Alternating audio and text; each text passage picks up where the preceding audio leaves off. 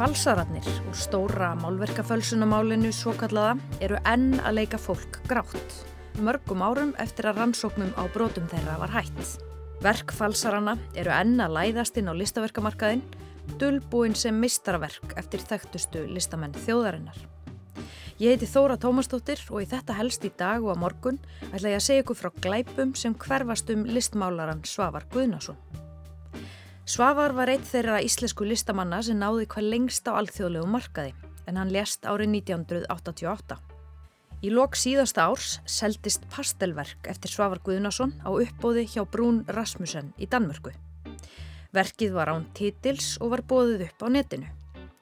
Það hafði hins vegar mjög auðþekkjanlegt handbragð, samkvæmt Ólafi Inga Jónssoni, forverði á listasafni Íslands. Handbragð sem var alls ekki svavars, heldur afkasta mikils falsara. Kaupandin er mikill listaverkasafnari og vinnur að stóru bókverki um svavar. Kaupandin hefur einni verið baróttumadur fyrir réttindum myndhöfunda og beitt sér fyrir því að hægt verða að gera falsanir úr stóra fölsunamálinu upptakar með lögum. Ég hafði svona gróft gaman að því og hlóð svolítið að sjálfur mér að ég skildi lenda í þessu. Eins og fjallað hefur verið um í þetta helst á liðnum mánuðum hafa nýjir ángar af stóra fölsunamálinu byrst á uppbóðshúsum og listasöfnum að undaförnu. Ángar sem aldrei hafa verið rannsakaðir af lögreglu. Það er að segja verk sem að eignuð eru stórmeisturum þjóðarinnar en viðmælandi okkar, hann Ólafur Ingi, segir auðlalegar og illa gerðar falsanir. Hann var upphásmaður stóra fölsunamálsins, hann kærði fyrstu verkin til lögreglu fyrir hönd listasapsins og hefur stútirað hvernig falsanirnar voru gerðar. Ólafur Ingi hefur aldrei sleft takinu á þessu máli. Ólafur Ingi, í haust þá sendur mér hlekk á uppbóð hjá Brún Rasmussen og þá stóð til að selja verk eftir Svavar Guðnason og þú varst uh, strax samfarið um að þetta væri fölsun. Lýstu þessu verki hans fyrir mér? Ég, þetta var verk sem að hérna, var við uppbóði hjá þeim 7. november og með því að fara bara inn á, á sölu síðuna og þá er þetta þysja upp uh, myndirnar af verkinu og það var mjög augljóst strax að uh, þetta var kópi af, af uh, verki eftir Svafa Guðnarsson og enn frekar var bæði pappiskerðin og, og starðin á pappinum þýtti sönnunar Og það er einhverju falsar sem gera þetta? Já, já, það er, það er þeir sem eru sagt, í þessu stóra falsunamáli, sem við hendur. Nú skulum við heimsækja mannin sem keipti þau umræta verk, eignað Svavari Guðnarsinni og uppbóðinu í Kaupanöfn. Það er lögfræðingurinn Knútur Brún sem var frumkvöðul að stopnun myndstefs og einna brautriðendum í höfundaréttamálum íslenskra listamanna. Knútur, Við erum að fara að ræða um svolítið sérkynlega atbyrði sem áttu sér stað nýlega. Hvað er eiginlega að byrja á þessu? Já, ég veit ekki. Þú getur farið þetta aftur í tíman svona kannski 1985 eða 90 þegar þessar falsani byrjuðu. Þú ert að tala um það er það ekki. Og svo kom þessi frægi hæstaréttadómur 2004 sem að mati margra lagfræðinga var rángur dómur og það var til þess að mennirnir sem voru ákjærðir í þessu máli þeir voru síknaðir og það var á, á grundvelli smávægilegra, lagalegra, teknískra atriða þannig að eins og ég segi margir töldu þennan dóm bæði rángan og var, hann var tvímarlust ákaflega óheppilegur fyrir íslenskan myndlistamarkað. Og við höfum fjallað um þetta stóra málverkafölsunamál og þennan dóm sem að mjög margir, já líklega flestir fyrir utan þá ákerðu voru ósáttir við. En við höfum líka fjallað um það að á undanförnum árum þá höfum við séð mörg verk sem að líklega má rekja til sömu falsara í umferð á uppbóðshúsum og í gallerjum og þú lendur í því á dögunum að fjárfestæði mynd sem að talin er fölsuð. Segðu mér aðeins frá þessum atbyrðum. Ég ætla aðeins að standa upp og ég ætla að sækja á sínaðu myndin. Og hérna er þessi mynd sem ég kefti. Og uh, þetta gerðist hannig að, að mjög þekktur listfræðingur í Danmarku sem var fórstjóri fyrir stóru safni benti mér á að þessi mynd væri komin og við vorum stödd út í Danmarku ég og kona minn og skoðuðu myndina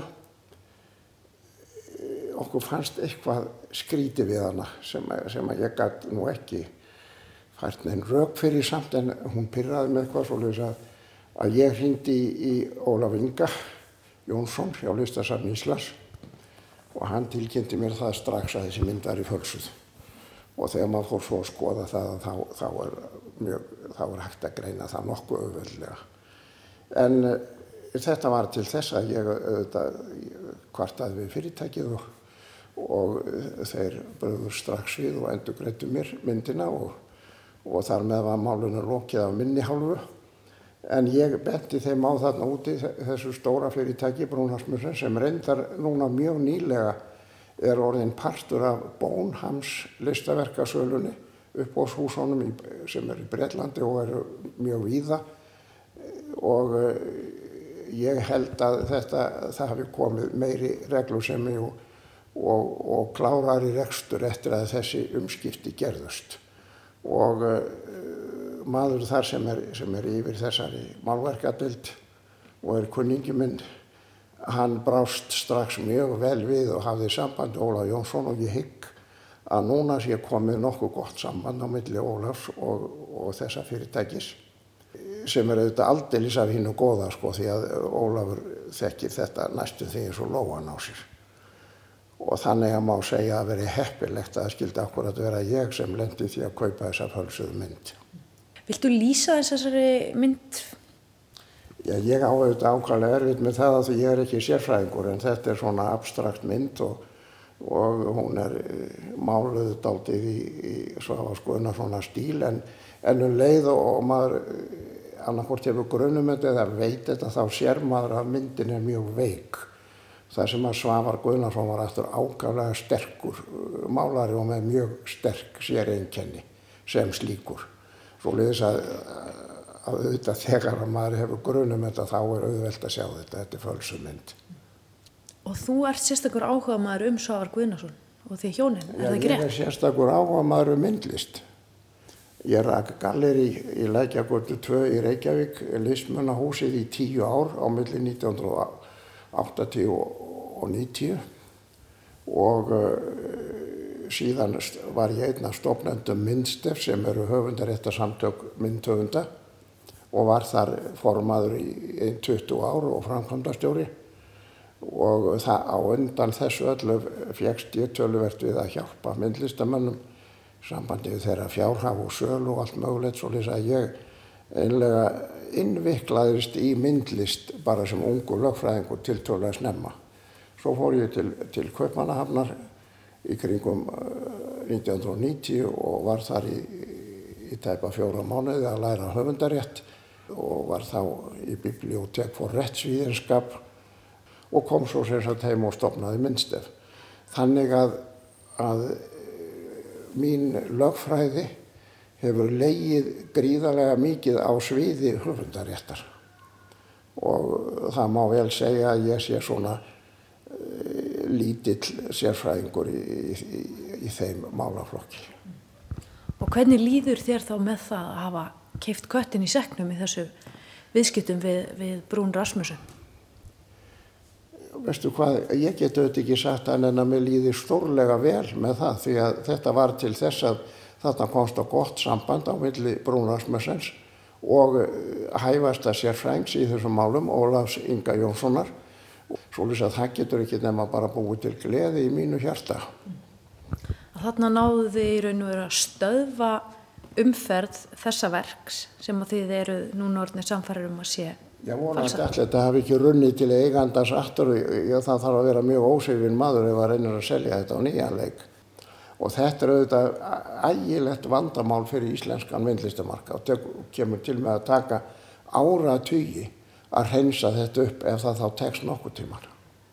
Þannig að enn erum við að sjá í umferð verk sem að má reykja til stóra fölsunamálsins eða sömu verkamanna þar. Já, og þetta er típist dæmi um það.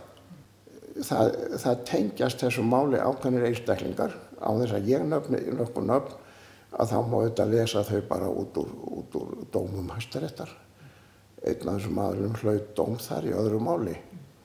Og eh, annars vegar eh, eru er þessir menn að hræra í þessu máli sennilega út í Danmörku og svo hins vegar kemur mjög mikið af fölsuðu myndum inn í Galeri Borg og eh, mér finnst mjög ósennilegt að þeir eigandur þeirra hafi ekki vitað af þessu en, en svona má maður auðvitað ekki fullir það neitt.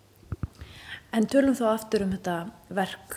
Þú keiftir fyrst þessa mynd eftir Svavar Guðnason hjá Brún Rasmussen í Danmörku. Hvers vegna gerður þú það? Það eru vegna þess skal ég segja þér að ég er haldinn þeirri voðalegu áráttu að ég er að safna myndlist sem ég á ekkert að vera að gera og á allt og mikið af því nú þegar. En svona áráttur eldamann alveg onni í gröfina og ég Svavar Guðnason er mikið eftirlætir málari hjá mér. Reyndar er það heldur nokkuð ljóst að Svavar er eini íslenski listmálarin sem hefur alþjóðlega tengsl. Býr fer til Danmarku 1935 og flist svo reyndar aftur heim 1950 og þá hegst svolítið á þessi tengsla því þá er hann komið til Íslands og er miklu einangraðri. Hann málar með frægustu málunum Danmarkum um ístrís ástrísárunum og eftirstrísárunum og þetta verða frægustu mál, málarar í, í, í málaraheiminum eftir stríðið og svo reyndar önnur hliðstæði grúpa í bandaríkjónum og uh, þessi menn eru kallaði kobra málarar það, það, kobra er, er orð sem að myndað C.O. merkir Copenhagen B.R. merkir Brussels og A. Amsterdam og málararnir voru frá þessum löndum og Svavar var einn þeirra og er nýrsti kobramálarinn ef svo má segja en hann var ekki voðalega hrifin af kobrahópnum Hann var miklu fastari í þessum danska hópi sem síndi sem hétt höstúðstillinginni og uh, tengdist þeim miklu meira en hann var svona utan í kópra alltaf. Og því hjónin eruð að vinna að verki sem tengist Sáfri Guðna og hans sögu, er það ekki rétt hjá mér? Jú, ég hef verið svolítið í bókútgáfu og mér hefur alltaf dremt um að gefa út verk eftir Sáfa Guðnason Það er enda búið að gera það og það var gert fyrir einhverjum svona 16-18 árum. Kristín Gunnlaugsdóttir listræðingur sáman og gerði það ákaflega vel, stór og mikil bók en á henni er sá mikli galli að hún er bara á íslensku. Og þess vegna ætlum við að gefa út bók núna og hún verður gefin út sem sagt bæði á íslensku, bara alveg íslensk útgáfa og svo hliðstæð eins bók á ennsku. Svavar Guðnarsson er að mínu mati reysi í íslensku listalífi. Það, kemst engin með tætnar þar sem hann er farinn fyrir löngum að hælana. En auðvitað skemmir þetta fyrir listaverka markanum á myndverkum eftir Svavar og menn auðvitað verða tortrygnir og hrættari við að kaupa verk eftir hann. En það má komast hjá því með tvennum hætti annars vegar að ef þetta eru alvöru fyrirtækir sem er að selja þetta, við skulum bara nefna til dæmis Brún Rasmussen, að þá garantera fyrirtækið að það sé að selja málverketti svafar. Hínleiðin í dag heitir Ólafur Ingi Jónsson og hún er þannig að maður liftur upp símanu sínum og ringir í þann ágæta mann, sendir honum myndir eða kannski hefur hann þegar séðar af verkinu. Ef hann segir að þetta verk sé í lægi þá getur þú verið bísna örugum að það sé svoleiðis. Þú ert lögfræðingur og margir hafa bent á það að það virðast engar leiðir færar til þess að stöðva umferð þessara fölsuðu verka. Eh, hverju svarar þú því? Það er, það er ef, ef maður fremur glæp, ef maður, ef maður drefur mann með, með skotvopni, þá, þá er skotvopni gert upptækt þess vegna setti á sínum tíma fram myndstef uh, til bæði dóns, þáverandi dónsmálráðara og mentamálráðara að það er því sett í ákvæði annarkort í höfundalög eða jáfnvel bara í almenn hegningalög sem heimilaði upptöku á svona fölsuðum hlutum. Hreinlega á þeirri fórsenda að falsaði hlutur væri andlag brots og þar leiti eftir að taka nú umferð. En þessir aðilar og sérfræðingar áðunitana allavega á þeim tíma vísuðu aftur í eignaréttar ákvæðið í íslensku lögum og íslensku stjórnarskró og það var talið sterkara þannig að, að þeir sem áttu þessar fölsuðu myndir fenguð þar aftur. Ég var þá framkvæmdarstjóri minnstess og stóð fyrir þessum Eh, þessum, hvað ég má að segja, erindum samtakana og ég var þessu algjörlega ósamála en, en svo skoðu var ofan á og ég ætla ekki að, ég ætla ekki að filosófarinn það borti sterkar eignar eftir ákvæði er þetta gríðarlega mikilsvert. En hins vegar eh, stangast þetta á eh, þegar að, brota andlag einhver hlutur sem er tilbúin með glæpsamlegum hætti getur haldið áfram undir eignaréttar ákvæður stjórnarskrára verið umferð það finnst mér bara raung hugsun mér finnst að ég bara taka þetta allt úr umferð af mig strax og ekki nóg með það mér finnst að ég eiðilegja þetta. Þetta var lögmaðurinn Knútur Brún með loka orðin í þessum þætti. Á morgun segir forverðurinn Ólafur Ingi Jónsson okkur frá því hvernig falsanir eignaðar svavari Guðnasinni hafa verið rauður þráður í gegnum þessa endalösi sögu. Málið tegir ánga sína til svikarrappa í Kaupmannahöfn, fórsetaframbjóðanda á Íslandi og inn í hæstarétt Íslands. Þóra Tómastóttir hveður ykkur í dag, heyrumst aftur á morgun.